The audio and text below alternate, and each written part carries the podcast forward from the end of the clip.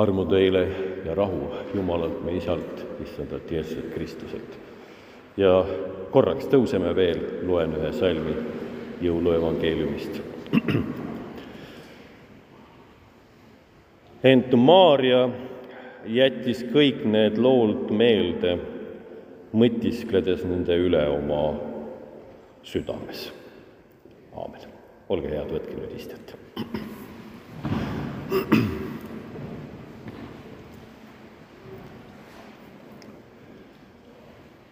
ma ei hakanud kogu jõulurõõmu sõnumit uuesti üle lugema, see oli nii kenasti noorte poolt loetud, noorte ja laste poolt äh,. aitäh teile. mõeldes selle loo peale, siis ähm, ühtpidi on see vana lugu, aga teistpidi on see ka väga tänane lugu. Herodes ähm, teeb oma plaane ja leiab geniaalse mõtte, kuidas ähm, saada teada, palju tal vara võiks olla. ehk siis korjab rahva kokku sinna, kus nad on sündinud ja laseb nad seal siis kõik ükshaaval kirja panna teades, saades niimoodi teada, palju tal maksumaksjaid on. tema teeb oma majanduslikku kalkulatsiooni, teadmata, et ta on osa ühest suuremast loost.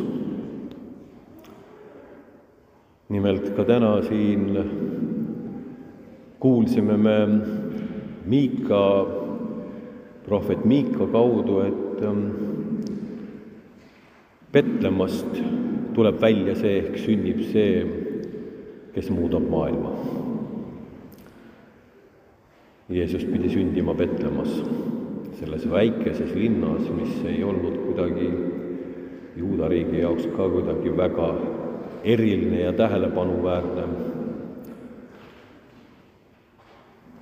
Aga Jeesus pidigi sündima mitte kuningakojas, vaid lihtsalt, tavaliselt nagu iga teinegi, et näidata seda, näidata seda, mida Jumal tegelikult väärtuslikuks peab. seda, et me kõik oleme talle tähtsad ja olulised ja meist keegi ei ole teistest ülem ega erilisem ega väärtuslikum. täna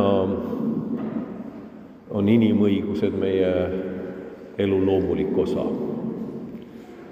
me peame ise enesestmõistetavaks seda, et me austame teineteist, hoolime teineteisest, ei tee kellelegi liiga ja meie vahel ei ole klassivahesid, ei eristata kedagi nahavärvi või tema kuuluvuse järgi või ka soo järgi ja nii edasi. selleks, et me nii mõtleksime, läks päris palju aega, umbes kaks tuhat aastat. ja ometi see lugu sai alguse siis.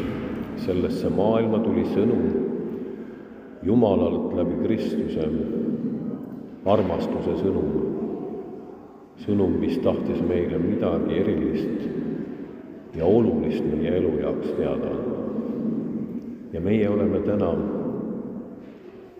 selle sõnumi osad ja seda sõnumit täitmas. mõne päeva eest oli Postimehes üks artikkel, mis mõjus mulle ka valgustuslikult. nimelt, ma ei tea, te olete ilmselt kõik laulupeol käinud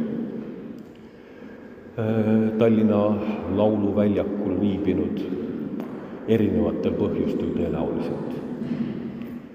aga kas te teate, tänu kellele see lauluväljak just lauluväljak kas te sellisest mehest nagu Johannes Mürkes olete kuulnud? ma ei näe just eriti neid, kes oleks äratundmisele jõudnud. mina ka ei teadnud seda, et see krunt oli mürkese krunt, millele, millel peeti tuhande üheksasaja kahekümne kaheksanda aasta laulupidu, kuna ennem Kadrioru staadionil eelmise laulupeo äh, järgselt järgmist laulupidu enam pidada ei saanud, sest spordirahvas leidis, et see on natukene liiga suur korralagedus seal. ja nemad ei olnud nõus enam oma staadionit selle asja jaoks andma. aga too härra Mürkes oli nimelt ähm, äh, teinud oma testamendi selliselt, et ähm, ise ta suri tuhande üheksasaja viiendal aastal juba, aga testamendis ütles, et kogu tema vara läheb vaeslastele. aga seda alles pärast tema lese surma, tema proua surma.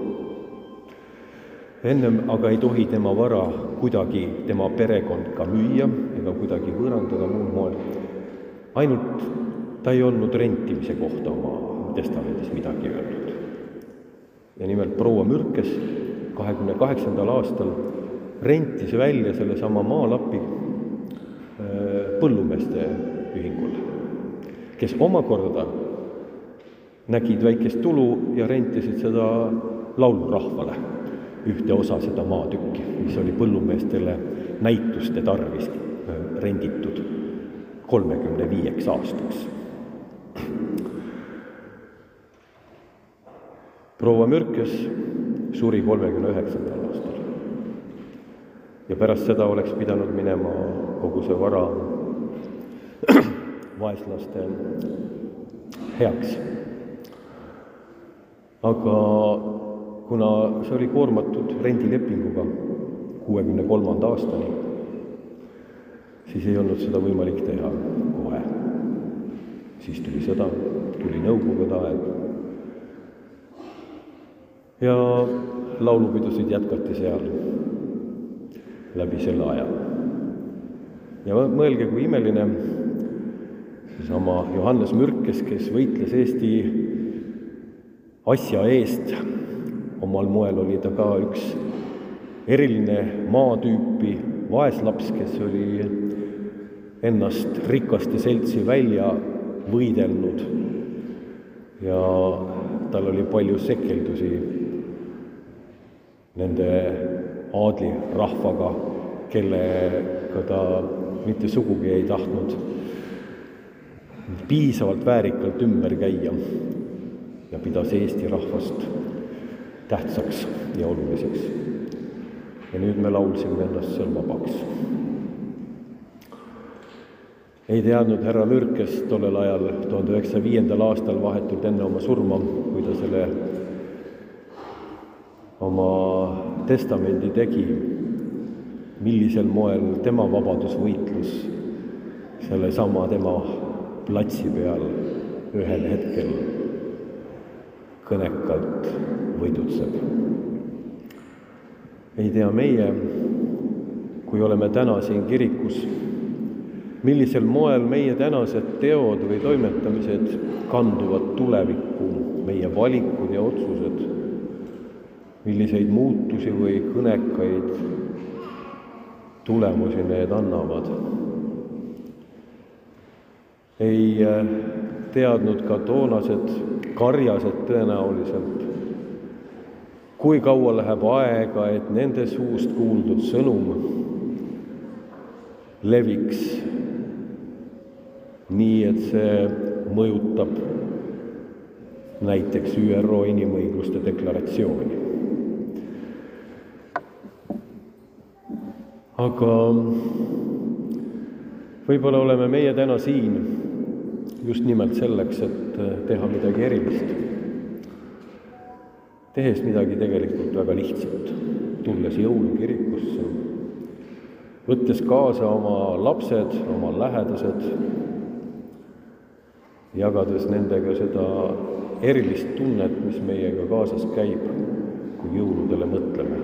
võib-olla ehk vahetevahel sellest ise päriselt sügavuti aru saamatagi miks see kõik meid puudutab, miks see kõik meid on nii palju inimpõlvi puudutanud ja teeb seda jätkuvalt. selles sõnumis on midagi, mis meile on väga lähedast ja mis on väga lähedal meie sügavamatele igatsustele. Maarja mõtles nendele lugudele oma südames, mitte ainult oma loogika järgi, nagu Herodes rahvast kokku kutsudes, vaid mõtles oma südames sügavama tunnetuse järgi ka meie saame olla täna need, kes teeme nagu Maarja. mõtleme neile lugudele oma südames sügavama tunnetuse ja mõistmisega. ja võib-olla siis saavadki alguse suured ja erilised sündmused, mis kas ka praktilisel või sümboolsel moel puudutavad paljusid.